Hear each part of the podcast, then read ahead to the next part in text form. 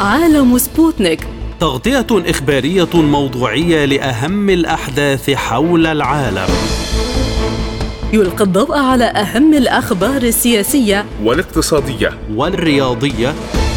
وجولة مع الأخبار الخفيفة من سبوتنيك بريك في عالم سبوتنيك. أهلا بكم وحلقة جديدة من عالم سبوتنيك معكم فيها خالد عبد الجبار وعبد الله حميد والبداية بأبرز العناوين.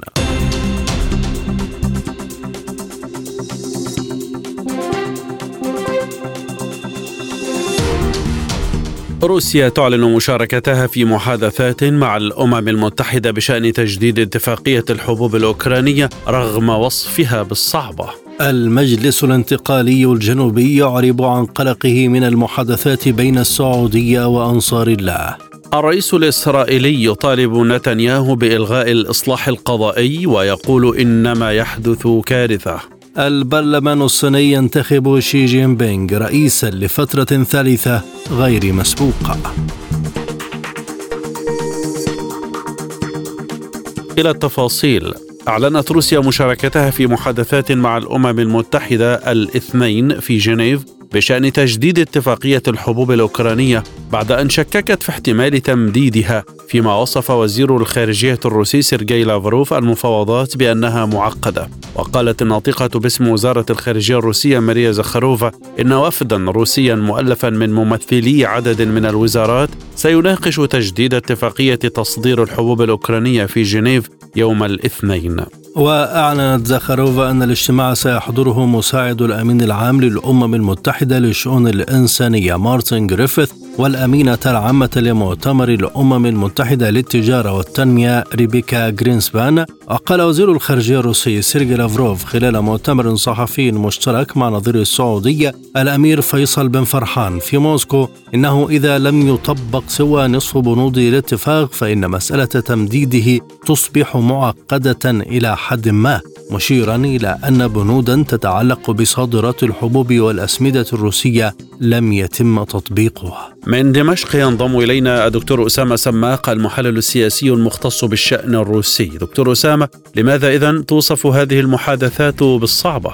صعبة لسبب بسيط أن روسيا قد التزمت بمجموعة من التزمت بكل بنود الاتفاقية بالمقابل. الأمم المتحدة والوساطة التركية لم يستطيعان أن يلبوا ما اتفق عليه من ناحية تصدير الحبوب أو تسهيل تصدير الحبوب الروسية والتي أصبح تصديرها صعبا بسبب العقوبات الغربية الأمريكية والأوروبية على المنظومة المصرفية الروسية وعلى الاقتصاد الروسي والتي أدت بدورها إلى تعقيد عملية توقيع العقود بين روسيا وبقية دول العالم كما أدت إلى أن إلى إحجام شركات التأمين العالمية عن تأمين النواقل وما أقصد بالنواقل السفن التي تشحن صفقات الحبوب الروسية المتفق عليها بين روسيا وبقية الدول إلى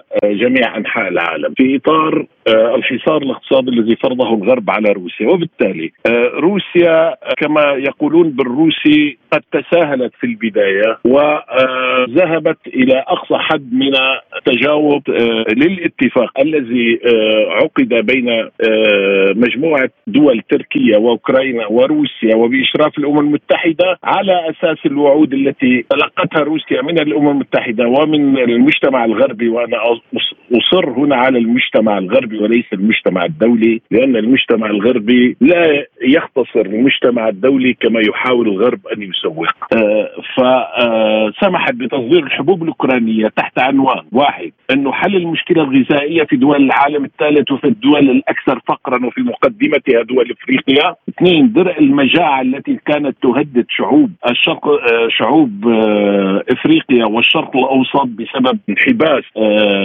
عملية تدفق الحبوب وانقطاع سلاسل التوريد من روسيا ومن أوكرانيا.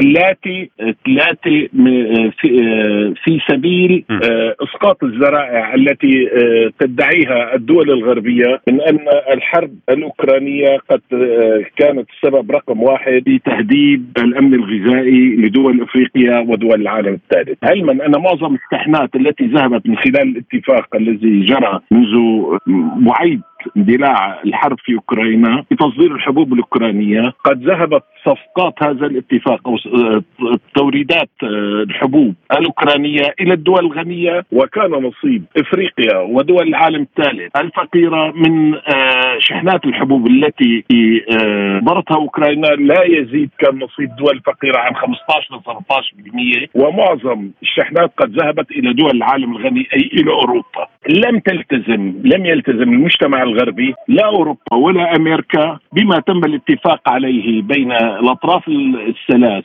بإشراف الأمم المتحدة ولم تفي بوعودها من حيث آه، تفكيك العقبات وتفكيك القيود على تصدير الحبوب الروسيه وتسهيل عملية توريدها إلى الأسواق العالمية. لكن لماذا لم تطبق البنود الخاصة بتصدير الحبوب والأسمدة الروسية رغم وعود غوتيريش؟ هلا غوتيريش هو أمين عام للأمم المتحدة وليس رئيس الولايات المتحدة أو الاتحاد الأوروبي. غوتيريش آه، يبدو أنه قد التزم أمام الجانب الروسي بتسهيل تسهيل آه، رفع العقوبات عن آه، ممرات تصدير الحبوب الروسية وعن عن روسيا في إطار تصدير الحبوب وعن المنظومة المصرفية الروسية من أجل تسهيل تصدير هذه الحبوب إلى دول العالم تحت عنوان الوعود التي تلقاها من الولايات المتحدة ومن دول الاتحاد الأوروبي. وهنا أعود وأكرر يبدو أن الولايات المتحدة ودول الاتحاد الأوروبي لم يلتزما بوعودهما التي قطعوها لغوتيريش وللأمم المتحدة ولروسيا بتليين العقوبات آه، على روسيا من أجل أن تستطيع روسيا أيضا المساهمة في آه، معالجة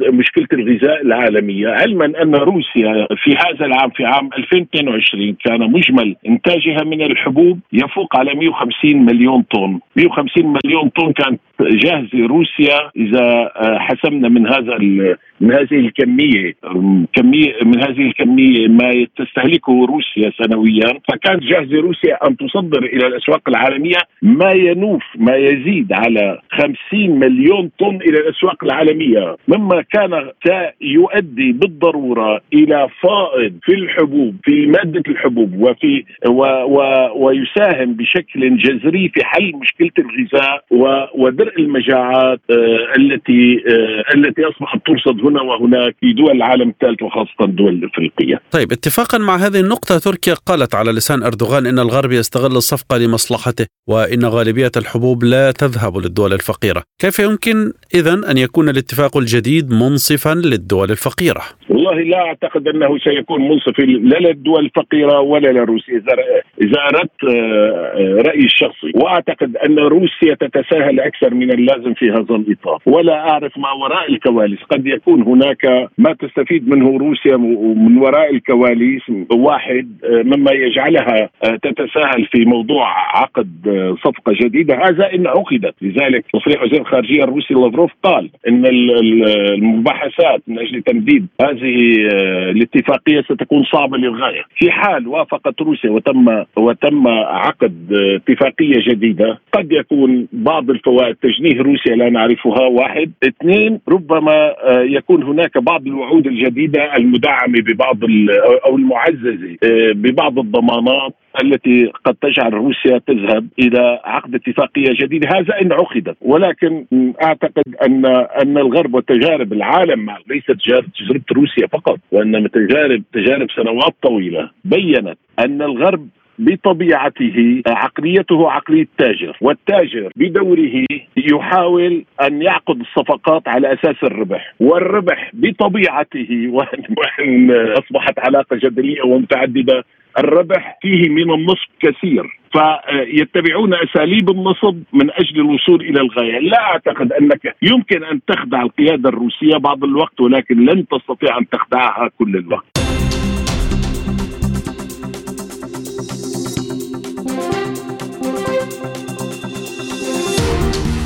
أعرب المجلس الانتقالي الجنوبي في اليمن عن قلقه بخصوص المحادثات المباشرة بين السعودية وجماعة أنصار الله الحوثيين وحذر من أي اتفاق يتجاوز حدود جهود السلام التي تقودها الأمم المتحدة. وقال مسؤول كبير في المجلس الانتقالي الجنوبي إن حلفاء التحالف لم يطلعوا على المحادثات بين السعودية والحوثيين. في حين تتفاوض السعودية مباشرة مع جماعة أنصار الله لإعادة الهدنة.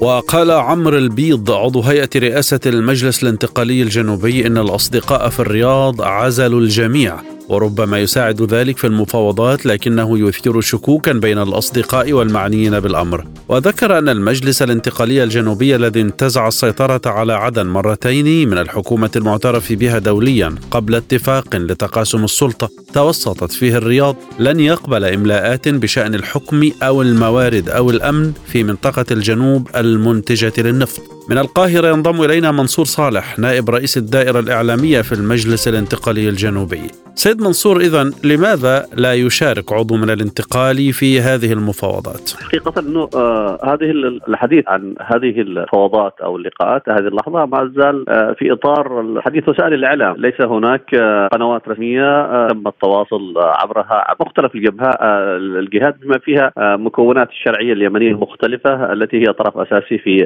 هذا الصراع. لكن هل يمكن أن يؤدي أي اتفاق بين الرياض والحوثيين يتجاوز المجلس الانتقالي إلى صدام مع الجنوب وحده؟ آه نحن في المجلس الانتقالي الجنوبي آه أكدنا آه مرارا وتكرارا بأننا آه ندعم أي جهود للسلام ووقف الحرب، لكن نؤكد في ذات الوقت أيضا بانه للجنوب قضيته الوطنية وهي قضية شعب وتطلعات باستعادة دولته التي كانت قائمة حتى الحادي والعشرين من مايو العام 90 وبالتالي نحن في الوقت الذي ندعم فيه أي جهود للسلام ووقف الحرب نؤكد أيضا بانه قضيتنا هي قضية تخص شعب الجنوب وأي محاولة للانتقاص من تطلعات شعبنا بالتالي لسنا طرفا و أو معنيين بأي نتائج لسنا طرفا فيها وأيضا تحاول الانتقاص من قضية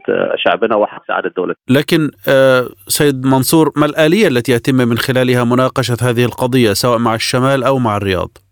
نحن دائما نؤكد على أهمية في البدء تنفيذ ما جاء في اتفاق الرياض وكذا المشاورات التي رعتها دول مجلس التعاون الخليجي. كنقطة انطلاق للوصول إلى حلول شاملة منها حل القضية قضية شعب الجنوب. ومن هنا نرى بانه تشكيل وفد تفاوضي مشترك كما جاء في مشاورات الرياض في البدء للتهيئة ووضع اطار خاص. للقضيه الجنوبية يضمن لها حلا عادلا مشاورات وقف الحرب وكذا أو مفاوضات وقف الحرب وكذا مفاوضات التسوية السياسية أو أن يكون هناك إذا لم يتحقق مسألة الالتزام في ما جاء في اتفاق مشاورات الرياض أن يكون للجنوب وفد المستقل الذي يمثل قضية شعب الجنوب. الحل بطبيعه الحال هو بالاستجابه تطلعات شعبنا في واهدافه في استعادة دولته التي قدمها في سبيل تحريرها آلاف أو عشرات الآلاف من الشهداء والجرحى ولا نظن بانه هناك أي حل يمكن أن يحقق السلام لا يكون قائم على هذا، نحن أكدنا ونرى دائما بانه مفتاح الحل للقضية اليمنية مفتاح تحقيق السلام في المنطقة وفي العالم في هذه المرحلة هو استعادة دولة الجنوب وحل الدولتين بما يفضي إلى فك الارتباط ما بين مش طرفي ما سمي ذات يوم بالوحدة اليمنية وهما عودة جمهورية اليمن الديمقراطيه الشعبية والجمهوريه العربية اليمنية. طيب أعود إلى هذه المفاوضات الأخيرة التي أعلن عنها، هل تمت دعوتكم؟ أنا تحدثت بأنه ما يتم الحديث عنه حول هذه المشاورات هو مجرد تسريبات إعلامية، بمعنى انه لا يوجد حديث رسمي من أي طرف عن وجود مفاوضات مباشرة ما بين الأشقاء في التحالف وتحديدا الأشقاء في المملكة العربية السعودية وميليشيا الحوثي، ونحن لا نحب ولا نحبذ حقيقة بأن نعلق على جوانب ليست بالرسمية والمجلس كما هي مؤسسات أو مكونات الشرعية اليمنية المختلفة التي تواجه ميليشيا الحوثي ليست طرفا في أي مشاورات مجرى التجري حاليا. وفي ضوء ذلك سيد منصور صالح هل يلوح الانتقالي ويهدد بالسيطرة من جديد على عدن؟ الانتقالي آه، هو لا لا أتحدث عن السيطرة سيطرة المجلس الانتقالي الجنوبي ولكن آه، عدن ومعظم محافظات الجنوب هي في آه، تحت بيد أبنائها وشعب الجنوب هو من يبسط سيطرته على محافظاته وقد حررها بدماء عشرات آلاف من الشهداء والجرحى في العام 2015 وما تلاها وتواصلت حرب هذه حرب في تحرير محافظاته أيضا لتجتث العناصر الإرهابية التي خلفتها أو زرعتها قوات الاحتلال التي قسمت آه، على آه، صدور شعبنا منذ السابع من يوليو من العام 94 بمعنى أنه آه، الجنوب هو بأيدي أبنائه ولن تستطيع أي قوة أي كانت تنتزع أرض من من أيدي شعبها، لكن نحن نتمنى بأن تفضي جهود السلام لأن يصل شعبنا إلى مبتغاه وأن يحقق أهدافه وتطلعاته في استعادة دولته بطريقة سلمية وبعيدا عن آه، المواجهات والصدامات. دولة الجنوب آه، أضحى آه، أمرها بالنسبة لشعب الجنوب أمرا محسوما ولا بد من استعادتها لأنه مشروع الوحدة الذي قام في العام 90 كان مشروع فاشل وكانت نتائجه كارثية بالنسبة لشعبنا. ونحن اليوم نمضي في هذا الطريق. نحاول أن وكما قال الرئيس القائد عدروس الزبيدي بأن نمضي في طريق آمن وأن نصل بشعبنا إلى مبتغاه في استعادة دولته. ونتمنى ألا تدفعنا الأطراف الأخرى لأن نخوض صراعا من أي نوع في آه، سبيل أن نحصل على حقوقنا وأن نستعيد دولتنا وأن آه، آه، أن أن أن, أن نحقق كرامة شعبنا التي الذي طالما عانى الأمرين من قوى الاحتلال والإرهاب التي سأبته الكثير من العذاب.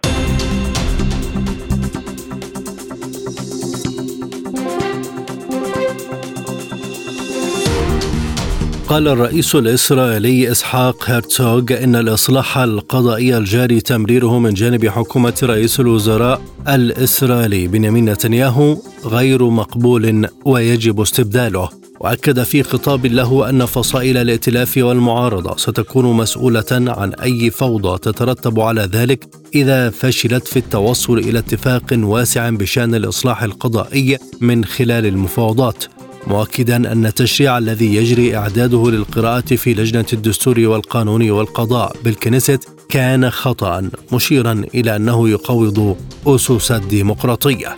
وطالب هرتزوغ رئيس الوزراء الإسرائيلي نتنياهو باستبدال مجموعة تشريعات أخرى متفق عليها وفي الحال بخطة الإصلاح القضائي. ووصف هرتزوغ الوضع الحالي بأنه كابوس مضيفا أن الأمة ممزقة. هذا وتتواصل الاحتجاجات الضخمة في إسرائيل على خلفية موافقة البرلمان الإسرائيلي الكنيست على مشروع قانون الإصلاحات القضائية الذي يحد من تأثير المحكمة العليا على عملية اعتماد القوانين الأساسية ويسمح للبرلمانيين بالطعن في قرارات المحكمة العليا ويمنح الحكومة السيطرة على إجراءات تعيين القضاة. من رام الله ينضم إلينا حول هذا الموضوع الدكتور جهاد حرب الباحث السياسي. أهلا بك دكتور. هل يمكن أن يستجيب نتنياهو اذا لمطالبة الرئيس الإسرائيلي بإلغاء قانون الإصلاح القضائي؟ في ظني أنه سيأخذ وقت لفهم التحولات التي جرت في المجتمع الإسرائيلي وخاصة اليهودي قد يتنازل عن بعض من القضايا فيما يتعلق بالإصلاح القضائي إذا ضمن بأنه لن يحاكم خلال الفترة القادمة أو أنه لن يعزل من منصبه كرئيس للحكومة بناء على المشاورات التي تجري بين أطراف قضائية وقانونية في إسرائيل وخاصة في مكتب المستشار القانوني أو المستشارة القانونية في رئاسة الحكومة الإسرائيلية.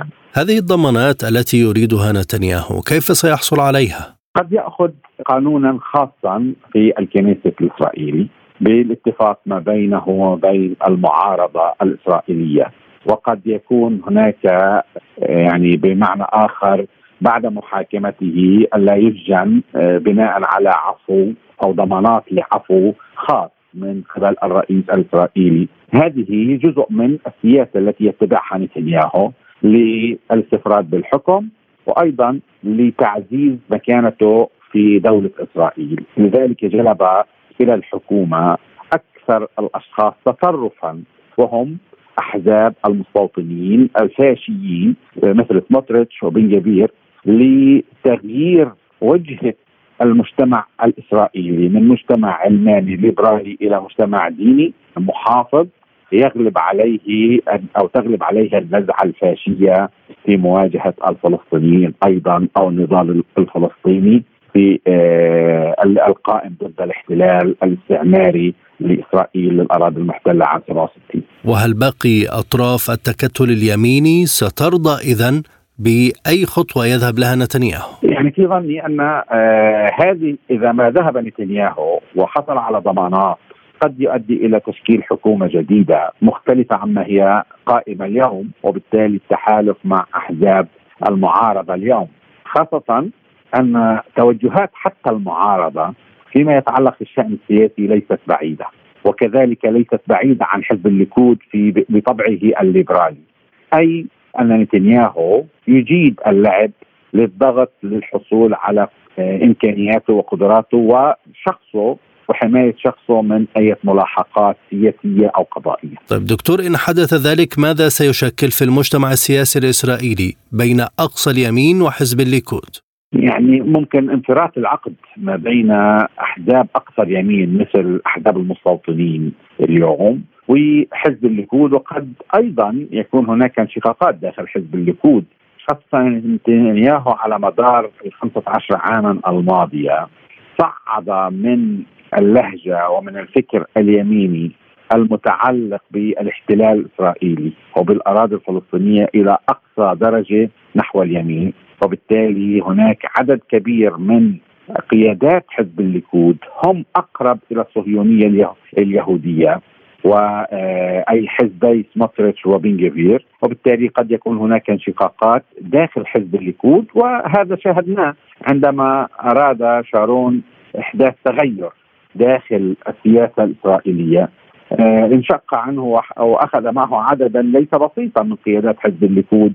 لتشكيل آه، حزب كديمه وكذلك شمعان بيرس وبالتالي التحولات داخل الأحزاب الإسرائيلية سريعة وممكنة آه، عندما يكون هناك تغير في توجهات قيادة أو بعض قيادات الأحزاب الإسرائيلية مثل حزب الليكود والعمل سابقا. هل يعني ذلك أن الشكل السياسي الذي يتزعمه أقصى اليمين في إسرائيل ربما يتغير وتنتهي هذه الأحزاب؟ لا أعتقد ذلك، بمعنى أن اليمين أو أغلب أحزاب اليوم الموجودة في الكنيست هي من اليمين وليست من آه وتوجهاتها حتى أحزاب الوسط توجهاتها إلى اليمين أكثر من اليسار. وبالتالي سيغلب الطابع اليميني لكن عندما نتحدث عن حزبي سموتريتش وبنجفير الصهيونية اليهودية والقوة اليهودية هم ليسوا فقط يمين هم أحزاب فاشية هم أقصى ما يمكن في اليمين وبالتالي قد لا يتحمل المجتمع الإسرائيلي الذهاب إلى هذه المرحلة. لذلك عندما نستمع إلى الهتافات التي تجري في آه، مظاهرات القائمة اليوم في إسرائيل هي أيضا ليست فقط الإصلاح آه، القضائي.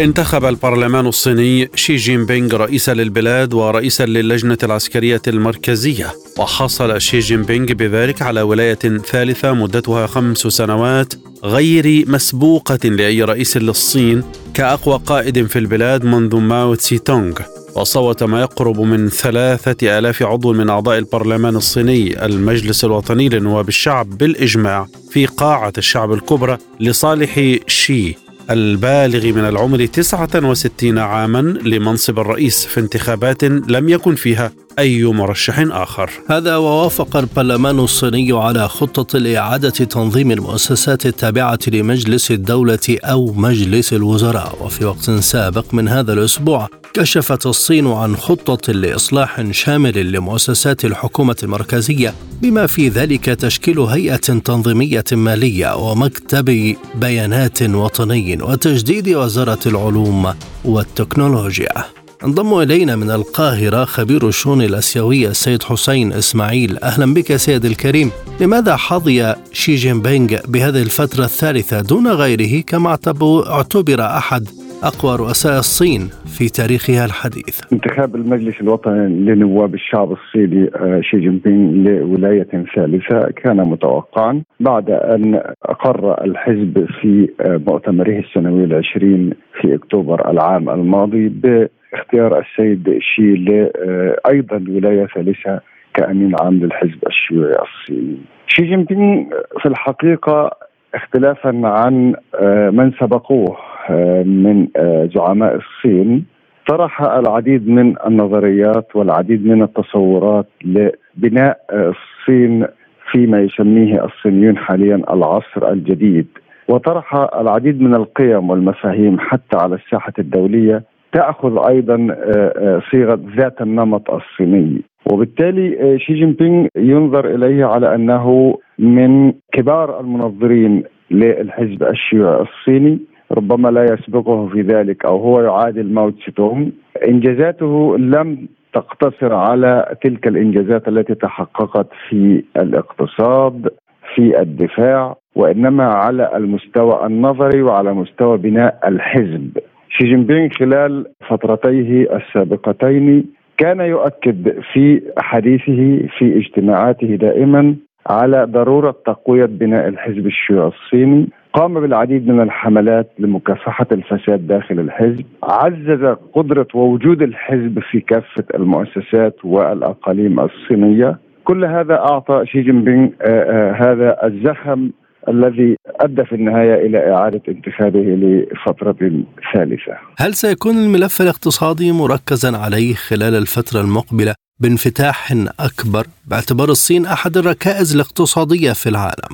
الصين حددت معدل نمو اقتصادي مستهدف في العام 2023 آه، 5% آه، آه، الصين تعلم أن هناك شبح الركود يعم العالم وأن الأسواق الخارجية ربما في حالة تراجع ولهذا كما جاء في التقرير تقرير الحكومة المقدم إلى المجلس الوطني للنواب الشعب الصيني هذا العام آه، ستعمل الصين على توسيع السوق الداخلية لاستيعاب أو آه، آه، تعويض ما يمكن أن ينجم عن ضعف التصدير.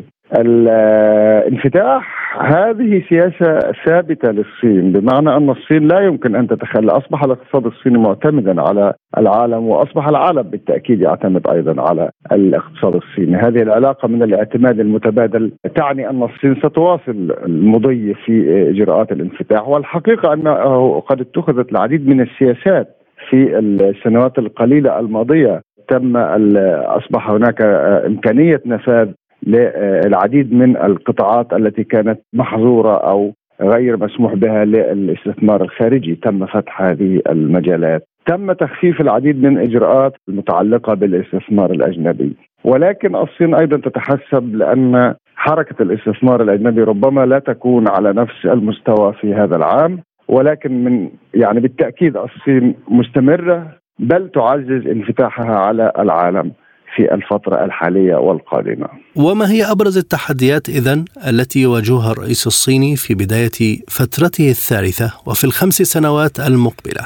على المستوى الخارجي التحدي هو الأكبر هو ذلك يعني الصراع المتصاعد مع الغرب وبخاصة مع الولايات المتحدة الأمريكية هذا الصراع آه، يتبلور في العديد من القضايا ولب آه، هذا الصراع ربما سيكون منطقة آه، المحيط الهادئ آه، فيما يتعلق بمسألة تايوان. أيضا على الصعيد الخارجي آه، فيما يتعلق بالناحية الاقتصادية شبح ركود الاقتصاد العالمي بالتأكيد يؤثر على الاقتصاد الصيني الذي يعتمد إلى حد كبير على التصدير. سلاسل الإمداد والطاقة كلها قضايا ستكون لها تأثير على الصين. على الساحة الداخلية سيكون على السيد شي جين بينغ أن يتعامل مع آه، مجتمع بدأت بدأ معدل نمو السكان فيه يتراجع بفعل سياسات سابقة. هذا يعني أن قوة العمل الصينية سوف تتراجع. هذا يعني أن عبء العبء الاجتماعي لرعاية كبار السن سيتضاعف. أيضا سيكون على السيد شي جين بينغ أن يتعامل مع أجيال جديدة من الصينيين لديها أفكار آه، مختلفة.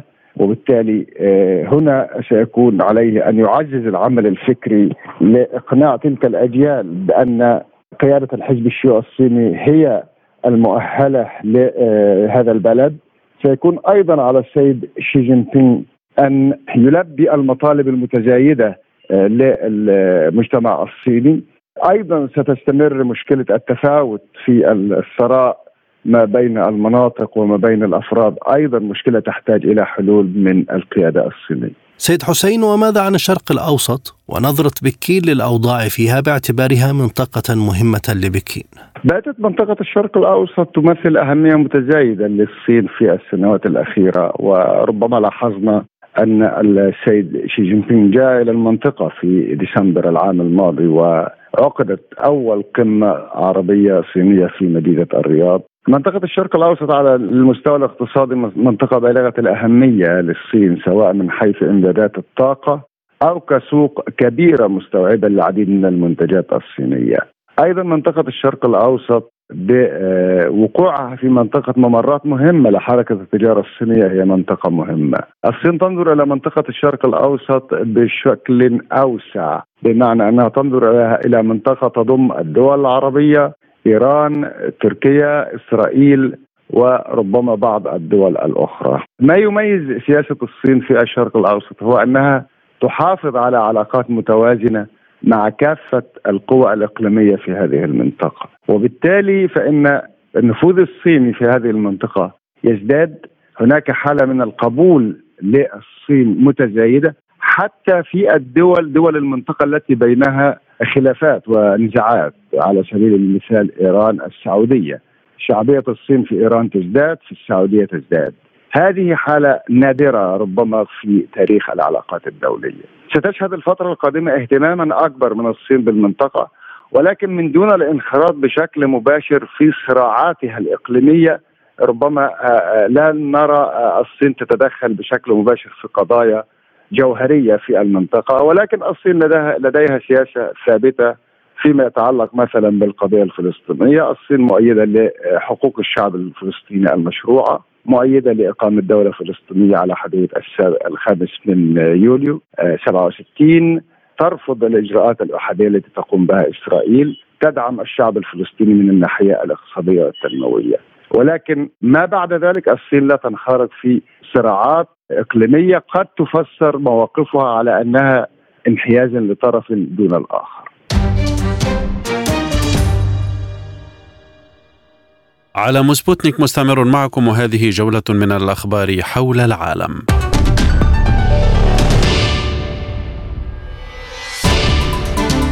أكدت المتحدثة باسم شركة روس إنرغو آتوم التابعة لشركة روس آتوم الروسية للطاقة النووية أن كييف قد تعرقل تغيير المتخصصين في محطة زاباروجيا للطاقة النووية. وقالت من المقرر إجراء الدورة القادمة لخبراء الوكالة الدولية للطاقة الذرية في محطة زاباروجيا للطاقة النووية أوائل أبريل. واستدركت لكن كييف قد تعطل تغيير المتخصصين وهو ما سيعطل عمل الوكالة الدولية وأوضحت أنه عادة ما تكون فترة التناوب شهرا زائدا أو ناقصا بضعة أيام مشيرة إلى أنه إذا اتبعت هذا الجدول فيجب أن يتم التناوب في أوائل أبريل. صرح نائب وزير الخارجية الروسي سيرجي ريابكوف بأن موسكو تواصل اتصالاتها مع واشنطن فيما يتعلق بمعاهدة تدابير تخفيض والحد من الأسلحة الهجومية الاستراتيجية نيو ستارت بحسب الحاجة. وقال المسؤول الروسي أن الاتصالات مع واشنطن فيما يتعلق بنيو ستارت سوف تستمر بحسب الضرورة. ولا يمكن القول إن هناك نتائج رائعة إلا أن موسكو لا ترفض الحوار.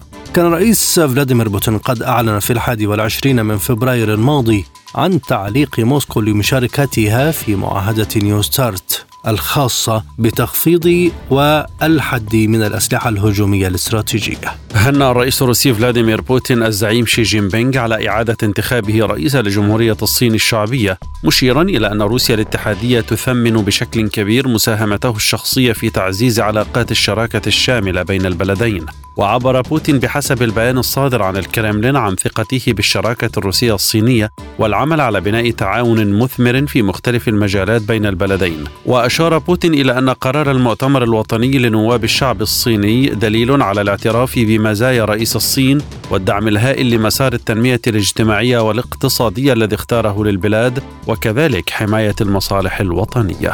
قدمت مصر إحدى أكبر الدول المستوردة للقمح في العالم إخطارا بأنها ستنسحب اعتبارا من نهاية يونيو المقبل من اتفاقية للحبوب تابعة للأمم المتحدة جرى إبرامها قبل عقود.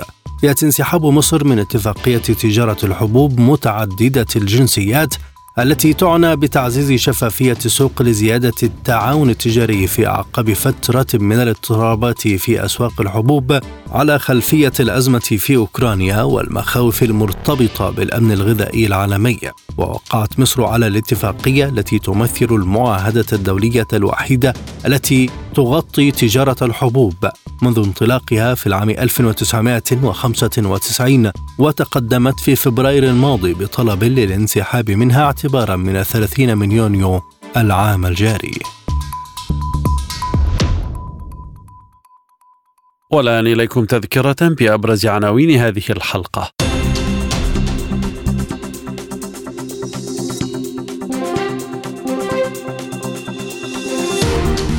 روسيا تعلن مشاركتها في محادثات مع الأمم المتحدة بشأن تجديد اتفاقية الحبوب الأوكرانية رغم وصفها بالصعبة. المجلس الانتقالي الجنوبي يعرب عن قلقه من المحادثات بين السعودية وأنصار الله. الرئيس الإسرائيلي يطالب نتنياهو بإلغاء الإصلاح القضائي ويقول ان ما يحدث كارثة. البرلمان الصيني ينتخب شي جين بينغ رئيسا لفترة ثالثة غير مسبوقة. وهذه وقفة مع أخبار الاقتصاد في عالم سبوتنيك.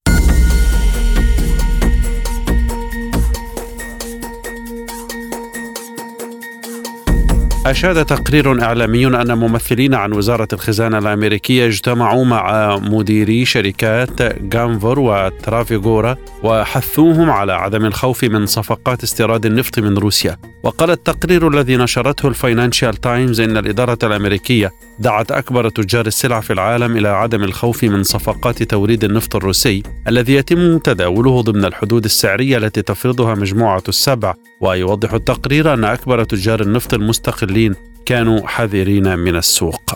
قد يضطر البنك المركزي المصري إلى رفع أسعار الفائدة بما يصل إلى 300 نقطة أساس عندما يجتمع في وقت لاحق من هذا الشهر.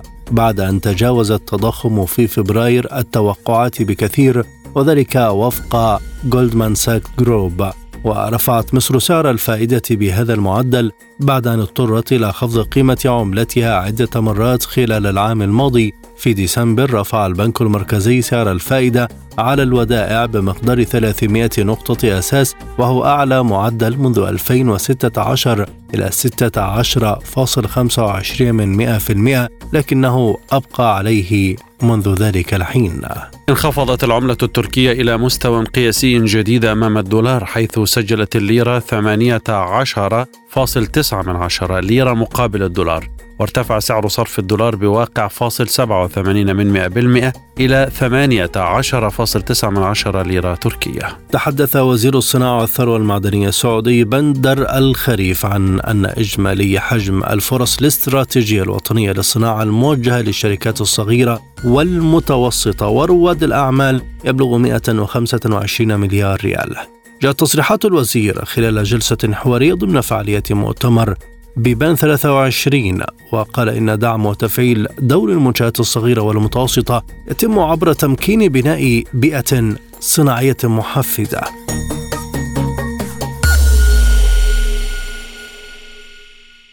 وهذه وقفة مع أخبار الرياضة في عالم سبوتنيك. صالح مانشستر يونايتد جماهيره بعد الخسارة القاسية من ليفربول في الدوري الإنجليزي بالفوز على ضيفه ريال بيتيس 4-1 في ذهاب ثمن نهائي الدوري الأوروبي. وجاء انتصار مانشستر يونايتد بعد أيام من خسارته المهينة بسبعة أهداف دون رد أمام غريمه ليفربول في الدوري الإنجليزي الممتاز. فشل أرسنال في عكس نتائجه المحلية أوروبيا. ونجا بالنيران الصديقة من خسارة أمام مضيفه سبورتينغ لشبونة البرتغالي. وتعادل معه 2-2 ضمن ذهاب ثمن نهائي الدوري الأوروبي لكرة القدم. في المقابل وضع روما الإيطالي قدما في ربع النهائي بفوزه على ضيفه ريال سوسيداد الإسباني بهدفين نظيفين. في المباراة الثانية وعلى الملعب الأولمبي في روما افتتح صاحب الأرض التسجيل عن طريق المصري الأصل والإيطالي الجنسية ستيفان شعراوي بالدقيقة الثالثة عشرة سجل البديل المدافع مرش كومبولا الهدف الثاني لروما بضربة رأسية في الدقيقة السابعة والثمانين. اقتنص اتحاد جدة فوزا صعبا وثمينا على غريمه النصر 1-0 في قمة المرحلة العشرين من الدوري السعودي لكرة القدم. ويدين الاتحاد بالفضل في هذا الفوز لنجمه البرازيلي رومارينهو الذي سجل هدف المباراة الوحيد في الدقيقة الثمانين. ورفع اتحاد جدة رصيده إلى 47 نقطة في الصدارة متقدما بفارق نقطة واحدة عن النصر الذي تراجع للمركز الثاني. وتعد هذه الخسارة الأولى للنصر في الدوري السعودي منذ تعاقده مع النجم البرتغالي كريستيانو رونالدو مطلع العام الحالي. سبوتنيك break والأخبار الخفيفة. نجح العلماء في إيجاد طريقة أكثر فعالية لإزالة ثاني أكسيد الكربون من الهواء وتخزينه في البحر بهدف تجنب ارتفاع مستوى الاحتباس الحراري. وعمل العلماء على مدى عشر سنوات وتعتمد الطريقة الحالية على ربط ثاني أكسيد الكربون بمركبات النيتروجين. وقالت الشركة المشرفة على الموضوع أن التقنية الجديدة أضافت مادة النحاس إلى هذا المزيج وتبين أنها تساعد بحسب الباحثين على امتصاص كميات كبيرة من ثاني أكسيد الكربون في الغلاف الجوي بفعالية أعلى ثلاث مرات من الطرق الحالية. استعانت شركة تطبيق تيك توك الصينية على خلفية التهديدات بفرض حظر وقيود على استخدامه في الولايات المتحدة بشركة استشارية أمريكية تربطها علاقات وثيقة بالرئيس جو بايدن. ووفقا لما أفاد به مصدر مطلع لمجلة بوليتيكو الأمريكية فقد اتفق تيك توك مع شركة العلاقات العامة والاستشارات السياسية SKDK قبل بضعة أشهر وهي تقدم حاليا الدعم في الاتصالات للتطبيق وتعد الشركة الأكثر ارتباطا بالديمقراطيين في واشنطن. فقد شغل موظفوها السابقون مناصب عليا ومتوسطة في إدارة بايدن. والآن مع أبرز ما تصدر مواقع التواصل الاجتماعي من ترندات وهاشتاجات والبداية بالعناوين.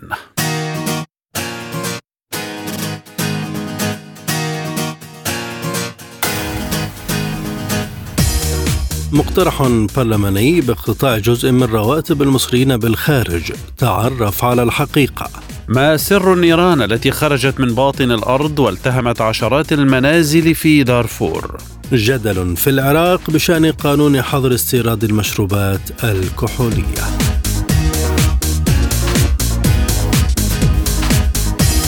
إلى التفاصيل. أثارت تصريحات نسبت لوكيل مجلس الشيوخ المصري ضجة وجدلا واسعي النطاق في البلاد مما استدعى ردا رسميا من وزارة الدولة للهجرة وشؤون المصريين في الخارج. فقد نقل عن بهاء أبو شقة مطالبته خلال جلسة برلمانية باستقطاع نسبة مئوية من عائدات كل مواطن يعمل في الخارج باعتبار أن هذا من حق الدولة لأنها هي من قامت بتنشئته وتعليمه وتربيته.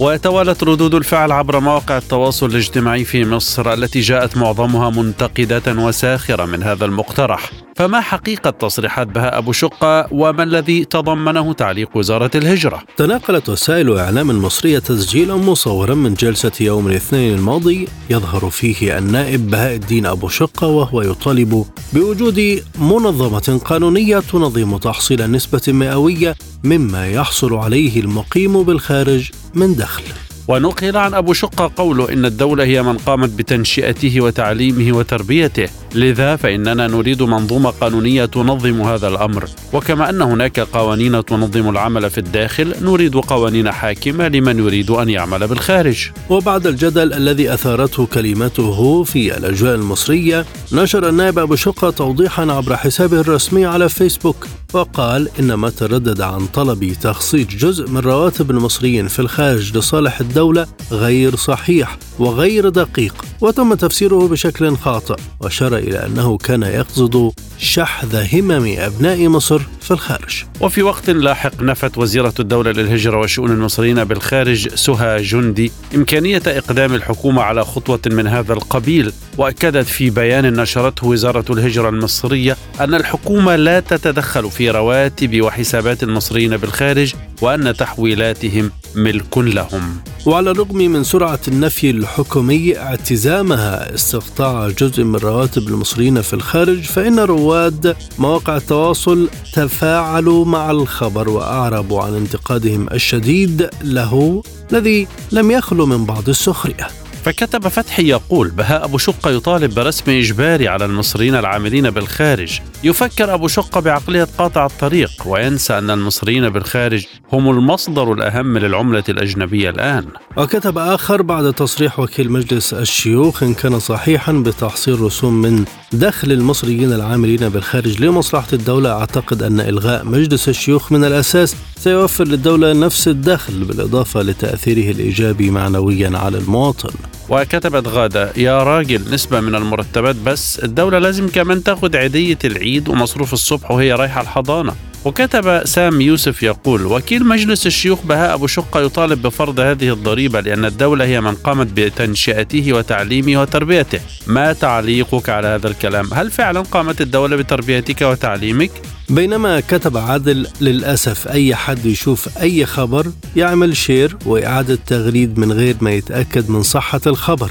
وده خبر بهاء أبو شقة طلع مفبرك. وأبو شقة ينفي طلب وتخصيص جزء من راتب المصريين بالخارج لصالح الدولة ومصادر رسمية تقول لا يوجد مشروع قانون بهذا الشأن. لا شك أن الثروة البشرية من أهم الثروات التي تحرص كل الدول على الاهتمام بها وأن يكون هناك منظومة قانونية تنظم ما لهم من حقوق وما عليه من واجبات. ما لهم اليوم هو العاملين أو المقيمين بالخارج. ثم بات التساؤل الذي يفرض نفسه وجوبا هل نحن أمام منظومه قانونيه تنظم. لنكون أمام قاعدة بيانات لكافة العاملين أو المقيمين بالخارج. وما هي الإجراءات المنظمة قانونا حتى يتسنى للعامل ان يعمل بالخارج انما تنتهي المساله مسألة عشوائية اللي يشتغل يشتغل بالمجهود الشخصي دون أن نكون أمام رقابة منظمة تحت مظلة قانونية حاكمة لهذه المسألة الحيوية بحيث أن نكون من يريد أن يعمل بالخارج يعمل طريق الدولة يكون هناك تصريح دولة تعرف هيشتغل فين ويشتغل إيه بدل ما يروح يشتغل بعد كده يهيموا في الشوارع وبعدين يدوروا على السفاره إزاي ترجعهم تبقوا الحاجات دي كلها بصراحة. لابد أن نكون أمام زي ما بقول لحضراتكم منظومة قانونية. يسافر تحت مظلة قانونية ونصوص قانونية محددة وحاكمة من الدولة. يكون هناك حق للدولة بالنسبة للمقيم فقط في الخارج في أن نكون أمام نسبة مئوية مما يحصل عليه من دخل بحق الدولة اللي علمته وكبرته وخرجته عشان يعمل لكي يحصل على ما يريد من الخارج. كل هذه المسائل زي التساؤل الذي يطرح نفسه والذي يحتاج إلى إجابة شافية وكافية وواجبة. هل نحن أمام منظومة قانونية تنظم هذه المسائل ولا لا؟ يعني المسألة مش مسألة النهاية والإعفاء ولا لا المسألة مسألة أن هناك كم يعمل في الخارج. ده يشكل ثروة بشرية كما أن هناك قوانين بتنظم العمل في الداخل لابد أن نكون أمام قوانين حاكمة تنظم من يريد أن يعمل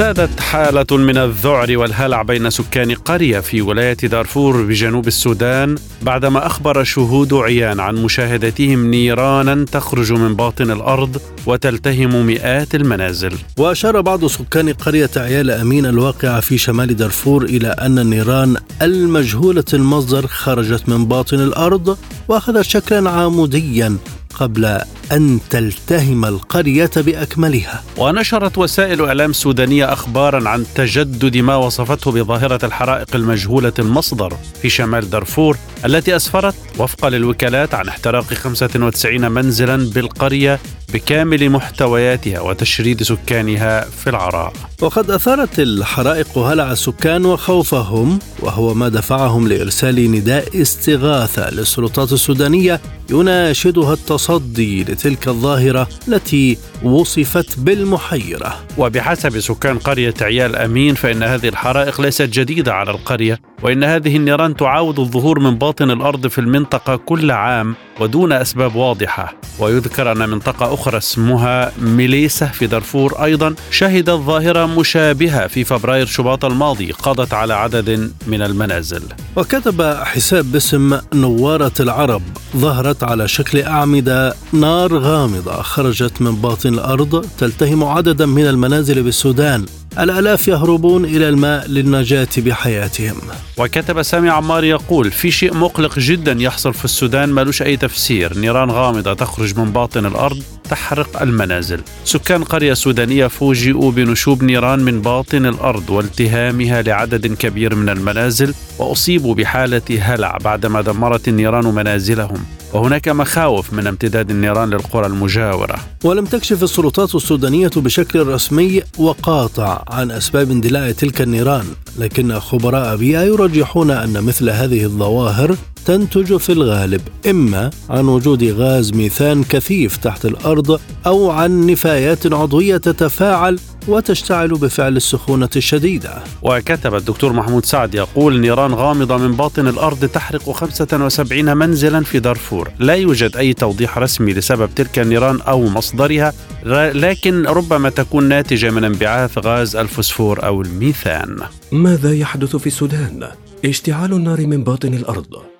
هلع كبير في السودان وفي قرية بيدارفور بعد اشتعال النيران من باطن الأرض.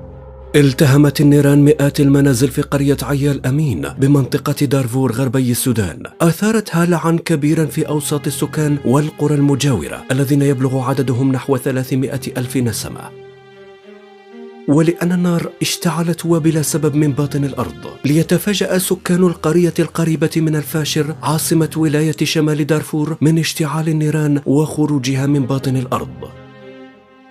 الحكومة السودانية أكدت في بيان لها عبر الناطق الرسمي على أن النيران قضت على 75 منزلا في القرية لتتسبب بخسائر فادحة في ممتلكات السكان ووفقا لشهود عيان فإن النيران خرجت من باطن الأرض فجأة واتخذت شكلا عموديا قبل أن تلتهم ما حولها لتثير الهلع والخوف وسط السكان ما جعلهم يرسلون نداء استغاثة للسلطات السودانية ودعوتهم لمحاصرة الظاهرة التي وصفوها بالظاهرة المحيرة. ولكن في المقابل رجح المهندس الجيولوجي عبد الشافع آدم أن تلك النيران مرتبطة بعدة عوامل جيولوجية مثل سخونة الصخور نسأل الله السلامة لأهلنا في السودان.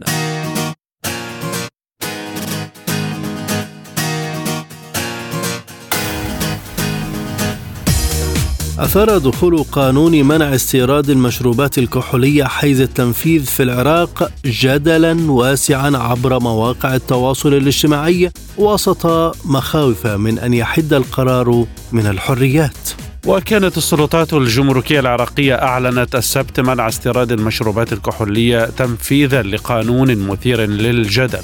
وفي بيان عبر فيسبوك قالت هيئة الجمارك إنها وجهت المناطق والمراكز الجمركية كافة بمنع دخول المشروبات الكحولية بكافة أنواعها. وقالت الهيئة إن توجيهها جاء استنادا إلى قانون واردات البلدية في إشارة إلى المادة الرابعة عشرة من القانون الذي نشر في الجريدة الرسمية في العشرين من شباط فبراير وتنص على حظر استيراد وتصنيع وبيع المشروبات الكحولية بكافة أنواعها. ويفرض القانون غرامة على المخالفين تتراوح بين 10 إلى 25 مليون دينار عراقي أي حوالي 7 إلى 19 ألف دولار. وتم التصويت على هذا القانون في العام 2016 لكن لم ينشر في الجريدة الرسمية وبالتالي لم يدخل حيز التنفيذ. وأثار الموضوع حينها جدلا في البلاد واعتبره نواب ومراقبون مخالفا للدستور.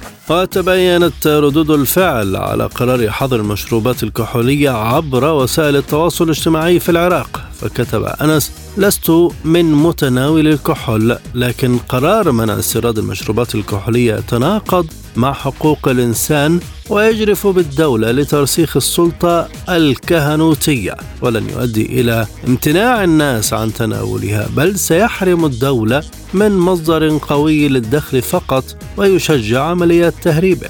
وكتب صفاء الطائي يقول القرار به شبهة أن يكون الاستيراد لشخص واحد فقط سيكون المتحكم بسوق المشروبات الكحولية. هذا هو الغرض من القرار. وكتب حسين تمرير قوانين مثل حظر دخول الكحول ومسودة قانون الإعلام والاتصالات بوابة لدخول العراق إلى هيئات الأمر بالمعروف والنهي عن المنكر وشرطة الأخلاق والولاية الدينية. ونحتاج إلى وقفة صارخة في وجه قوى الإسلام السياسي. بشتى الوسائل والإمكانيات المتوفرة لدينا. وكتب مزاحم الحويت منع دخول المشروبات الكحولية إلى العراق جريمة بحق الأديان والمكونات يحاسب عليها القانون الدولي. ندعو ممثلي الكتل السياسية إلى التحرك من أجل رفع الحظر عن المشروبات الكحولية احتراما لحقوق الأديان كونهم شركاء معنا في الوطن. وكتب آخر منع الكحول يعني انتشار المخدرات ودمار المجتمع. على الأقل الكحول يشربها وبعد ساعة يصحى أما المخدر يذهب للموت بغض النظر عن الدين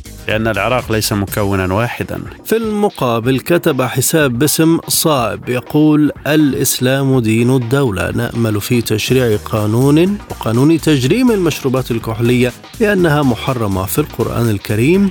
وبينه أهل البيت عليهم السلام في كثير من الروايات. بارك الله بجهود كل من سعى لتشريع قانون لتحريم شرب الخمر وبيعه وتداوله. وكتب أبو نور هذا خبر جيد جدا. المشروبات الكحولية تستنزف العملة الصعبة من الخزينة.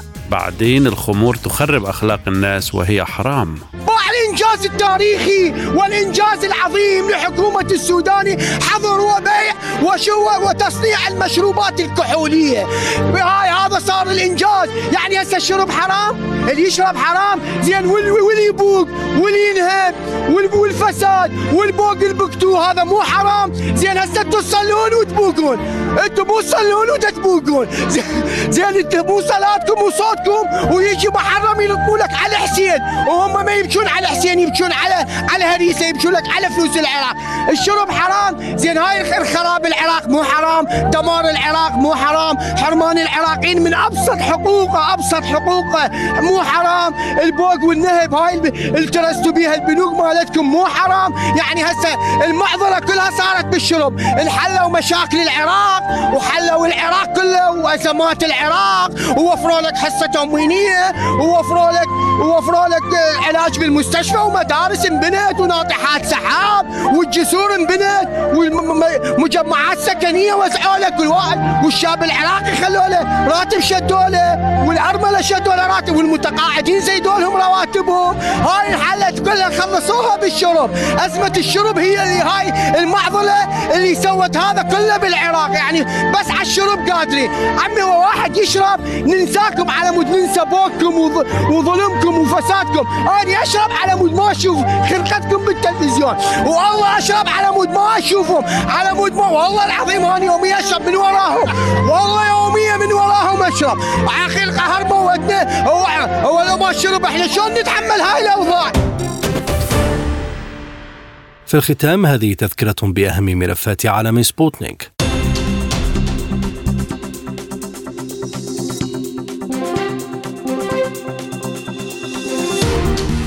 روسيا تعلن مشاركتها في محادثات مع الأمم المتحدة بشأن تجديد اتفاقية الحبوب الأوكرانية رغم وصفها بالصعبة المجلس الانتقالي الجنوبي يعرب عن قلقه من المحادثات بين السعودية وأنصار الله.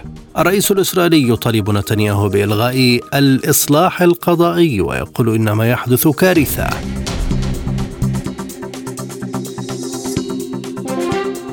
للمزيد زوروا سبوتنيك دوت اي اي إلى اللقاء.